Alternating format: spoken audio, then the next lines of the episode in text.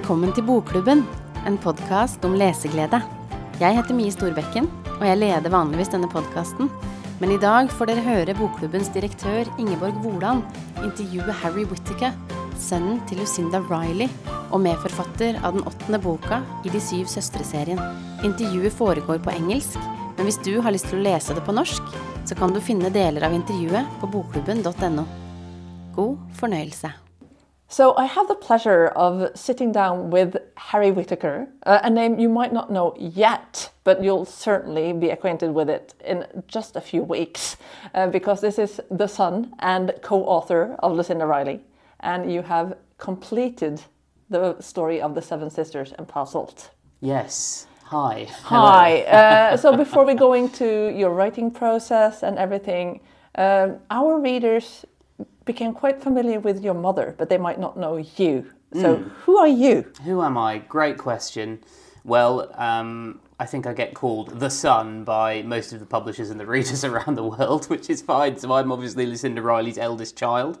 Um, outside of writing, I'm a radio presenter for the BBC. I have a touring comedy theatre company as well. Uh, I wrote a series of children's books with Lucinda in 2018, 2019, before I began work on Atlas the Story of Pa Salt shortly after Mum died. And I want to ask you a little bit about that because there was no guarantee that her story would be completed. How did you come to the come to the decision that this is something you wanted to do? Well, the point is, there was a guarantee because um, Mum was a miraculous human being. You know, she really was. During her four years of illness, uh, at some point, she got very, very sick, as sick as a person can be. But then she would bounce back, as we say, and defy the laws of science and nature and get well again. And we just assumed that pattern would continue forever, as did Mum. Although, after a period of ill health in 2018, Christmas time, uh, she invited me to her bedroom and she said, I just want to briefly talk about what happens with the Seven Sisters if I die. We just finished writing our children's series together earlier that year, which has been a totally joyous experience, and um, I feel very privileged to have done it because working with Lucinda was like learning painting from you know Van Gogh or learning soccer from uh, Messi or Haaland, you'd say over here, um, and. Um, we only ever had one conversation about the Seven Sisters series and what would happen if she were to die. It was about five hours. It's a private conversation, but it was probably the most important five hours of my life. We talked about, you know, me finishing the series, what it might look like, and we never talked about it again from Christmas 2018 because nothing needed saying. We both knew that if she were to die, there was a plan in place, but we both had to believe that she would be well and would finish the series herself. So, one conversation, that's all we needed. Wow. And then what sort of raw material or what sort of manuscript did she leave for you? So in 2016, Mum was invited to Hollywood by a production company, and they said, if you want a film deal, you've got to tell us where you see the series going. And Mum had only written three books at that stage, so she didn't really know. But this process forced her to go into a room and write 30 pages of script dialogue between two characters which really gives a very strong indication of where she saw the series eventually ending up. And it was a miracle that this document existed because Mum famously never wrote anything down. She dictated her novels because she had uh, a shoulder injury, which meant she couldn't type. But these 30 pages of script dialogue existed. Plus, Seven Sisters readers will know that Pa Salt appears in each and every Seven Sisters book. He's secretly in there somewhere. So I knew where he was. So that combined with the document, and of course our conversations throughout the years, meant that there was a significant structure which suggested itself to me. I see, but how well did you know each story about each sister before you started this? Remarkably well. So, Mum and I, we really were, it might be a cliche to say, but we really were the best of friends. And for us, there was no greater joy than um, debating uh, some new manuscript which Mum had written. So, I'd been reading The Seven Sisters in their purest form as soon as it came out of her brain for years and years and years, a decade really. Um, independently of that, in addition to that, I'd started work on the television series for the Seven Sisters in late 2019, uh, early 2020. And that meant that I reread each of the novels and made meticulous notes and summaries for film producers. So actually, I had a pretty flawless working knowledge of the novels. Thank goodness. Well, I'm impressed by that because uh, as a reader, I sometimes still get what, what, what, was that again, and where did they go then, mm. and what happened in Brazil. Yeah. Uh, uh, but uh, what did you have to do any additional research to make this your story as well as your mother's? I'm always deliberately cautious about answering this question. When you look at the Atlas um, front cover, you'll see that there are two names on there Lucinda Riley and Harry Whittaker. This book is co written. It, at the end of the day, I don't think it really matters what ideas are Lucinda's and what ideas are mine because the story is the story and it's a joy that it exists at all.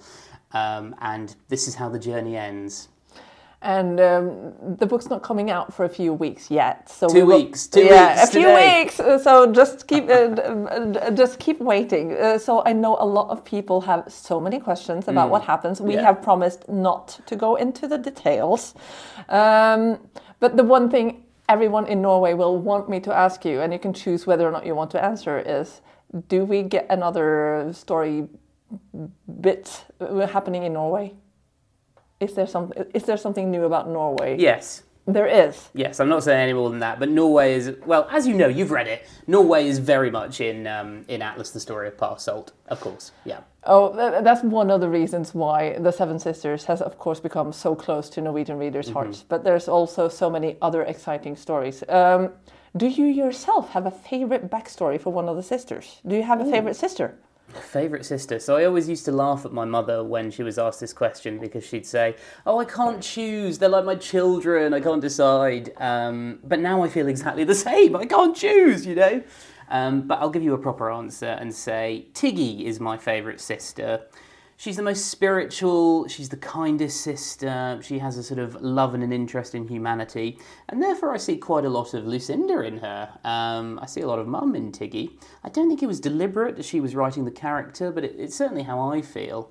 Plus, as you know, Tiggy and her family history are very important in Atlas, the story of Pa Salt I've got to say Tiggy. I don't think The Moon Sister is my favourite novel, though. I think it's got to be the first book in the series, The Seven Sisters, the one that started it all. I love the story of uh, Christ the Redeemer being sculpted and transported from Paris to Rio. I love Rio de Janeiro myself. In fact, something that never gets talked about is I went to uh, Rio de Janeiro after I left school um, as part of a tour of South America because I was totally obsessed with Christ the Redeemer. I'd found the sort of story of how it was constructed on top of this tiny mountain very inspirational. Um, and uh, I came home and I told my mum all about it, and she said, "Oh yes, that is very interesting, very interesting." Anyway, one year later, this manuscript appears, and it's all about the building of Christ the Redeemer. Had she already been writing it, or did no, you plant the idea? No, it was my obsession with the statue that um, gave her that idea. But of course, you know, she'd already been very successful with her independent novels in Brazil, her standalone novels. So I think, you know, combined, it made sense. Yeah. Uh, so you've already described how you've been what should I say, a sort part-time consultant or a sparring partner or a writing help for your mother? No, oh. I honestly wouldn't say that yeah. I've been any of those things. I don't. I haven't been a consultant or a. You know, we would just talk about it as a as friends, as mother and son. What was she like when she was in the middle of her writing process? Um, no different than when she was not in her writing process. I don't think she was always such. Um, Mum always lived within her own imagination, you know. And wouldn't you love to live in there with her? I mean, what an imagination it was.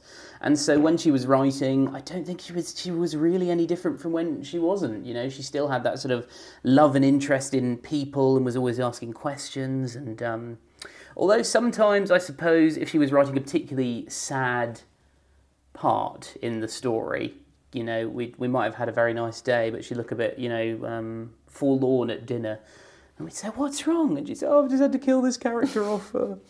So, and I really understand that now because, yeah, having written Atlas, it does, it feels real. So um, I really have sympathy for her now in a way I didn't before. I can absolutely see that. I've spoken to other authors about the pain of killing your characters uh, and when they have to die. Oh God, it's awful. Yeah. yeah it is. Um, so, was it easy right for you writing, or uh, what was it like? Uh, that's it's such a big question. Um, I think I'm only really coming to terms now with the fact that I've done it um, because up until my visit to Norway, when I arrived a couple of days ago, I hadn't spoken to anyone, any reader that had read the book. Right? It's it's been such a secret. I haven't been able to discuss it with anyone. Um, apart from you know publishers, but they've obviously got 10 million books you know being released every year. So I'm only really understanding now sort of what a huge task it has been and a seemingly impossible job. Um, the thing that kept me going every day, I think, was I was just completing a task for my mum. I was. It's great that the Seven Sisters has 50 million readers, but I was writing it not for them, just one person, and that was Lucinda Riley. So it was um, a difficult challenge, of course, but here we are somehow. And having completed it, uh, and with the, the reader being your mum, as you Yeah. say, uh, what do you think she would say? Um, oh, she would have said, oh, I wouldn't have phrased it like that, you know, about sentences or something. Uh, no, I'm joking. I mean, I really, I just, I don't know. It's it's an impossible question to answer, really. I hope that she'd be proud that her story, her journey, the series has an ending. It will be concluded. Um, the readers will get what they deserve. Um, I hope she'd be proud. I really do. I'm quite sure she will be. I hope would so. be, yeah. I hope so. Yeah. Um, so one question that we got asked from one of our members Oh, yeah. uh, on social media when, when we let them know we would meet you is, are there any other hidden manuscripts? Are there any other Lucinda backstories? Uh, No, so I think there's been some confusion because the murders at Fleat House, I hear it's the boarding school murders, maybe. Um, it was never really a, a hidden manuscript. Um, so Lucinda wrote under the name Lucinda Edmonds in the 1990s and was successful in the UK, but not really anywhere else. Um, and then she paused for over a decade to have children um, and re-emerged as Lucinda Riley with The Orchid House in 2010. And since 2010, she's actually she rewrote and re-released three novels from the 1990s under the name Lucinda Edmonds. So there's that. You know, uh, the Italian Girl is one, the Love Letter is one, and also um, I'm going to remember it, uh, The Angel Tree. Uh, so those are three novels from the 90s, which she actually totally rewrote and re-released. They're basically new.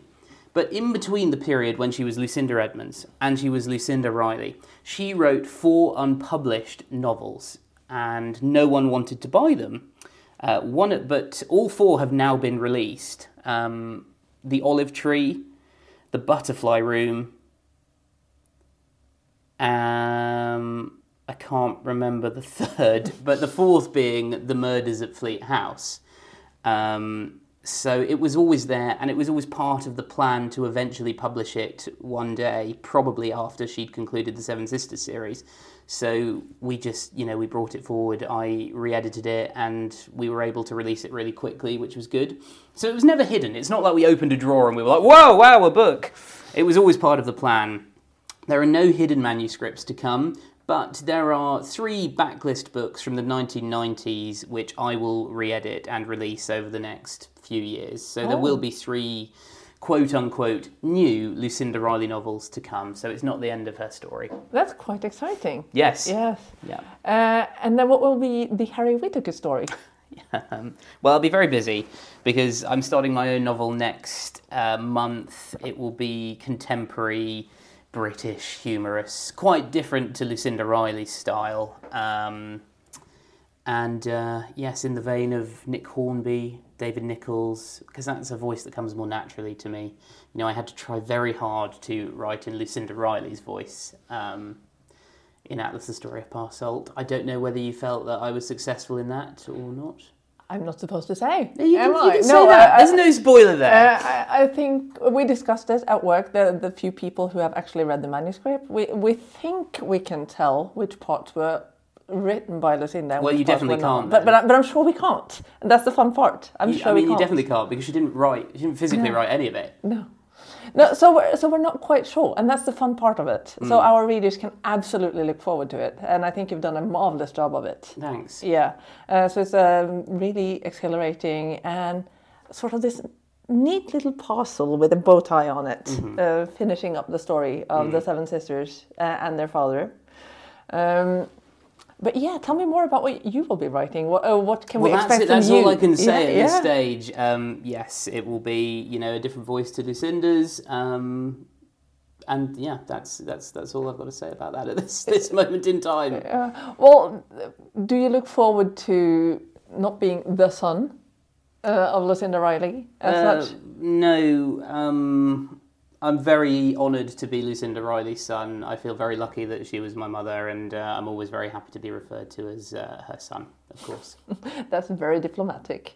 That's Uh, true. yeah, well, I I absolutely believe you as well. Um, so, what sort of questions have you been getting from readers eager to see the final story? Well, everyone wants to know if Pa Salt is alive, of course, um, but I can't answer that. Um, people really want to know if genuinely all the questions will be answered. Uh, the tagline for the book is "Everything will be revealed," and there are a lot of questions that need answering. Uh, so, therefore, um, I really hope that um, everyone is satisfied um, when when the book is released. I, that's the main question everyone asks: is re- will we really get all the answers, everything? Um, and I, I hope the answer is yes. Uh, I, I can say for myself, there are not many unanswered questions at this point, having read the manuscript. So, I think you've done a really good job of it. Um, the one thing that we kept coming back to uh, did you, I mean, did your view on either the sisters or Pa Salt change from being a reader to being a writer? No, I don't think so. You know, the, the characters were so well rounded by Lucinda that they already existed, you know, and from reading them to writing them, there was a very smooth transition because I, I felt like I knew them so well that actually giving voice to Lucinda's characters was, was an easy was an easy task. Yeah.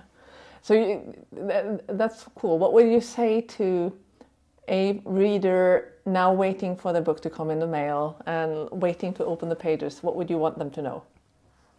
Well, I mean, this is the the end of the journey, isn't it? So, um,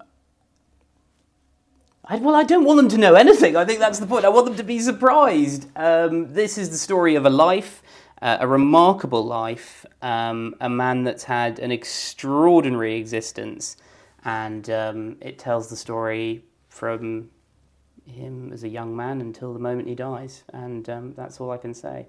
I just hope people really enjoy it. I'm sure they will. Thank you so much for Thank sitting you. down with us. Pleasure. And uh, our best of luck to all the people wanting to read the book. You are in for a treat. Ah.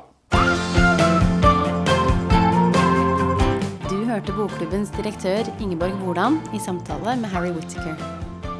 Hvis du har lyst til å lese den åttende boka i De syv søstre-serien, Atlas historien om Pas Salt, så finner du den på bokklubben.no.